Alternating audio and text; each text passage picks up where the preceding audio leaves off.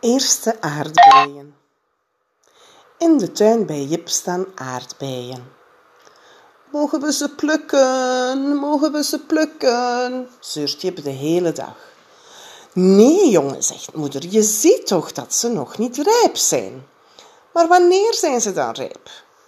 Als ze rood zijn, zegt moeder. Jip en Janneke gaan iedere ochtend kijken en iedere middag ook. Ze vinden dat het veel te lang duurt. De aardbeidjes zijn wel een heel klein beetje rood, maar nog lang niet helemaal. Oh, ze worden nooit rijp, zegt je boos. Dat komt, zegt mama, omdat jullie veel te vaak gaan kijken en omdat jullie er echt zitten op te wachten. Dan duurt alles al, uh, altijd lang. Jullie moeten wat anders gaan doen en jullie moeten twee dagen niet gaan kijken naar de aardbeien. Gaat het dan vlugger? vraagt Janneke. Ja, dan gaat het vlugger. Goed, zegt Jip.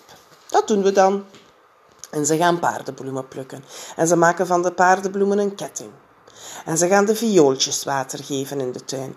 En de volgende dag gaan ze op de weide spelen bij boer Jansen.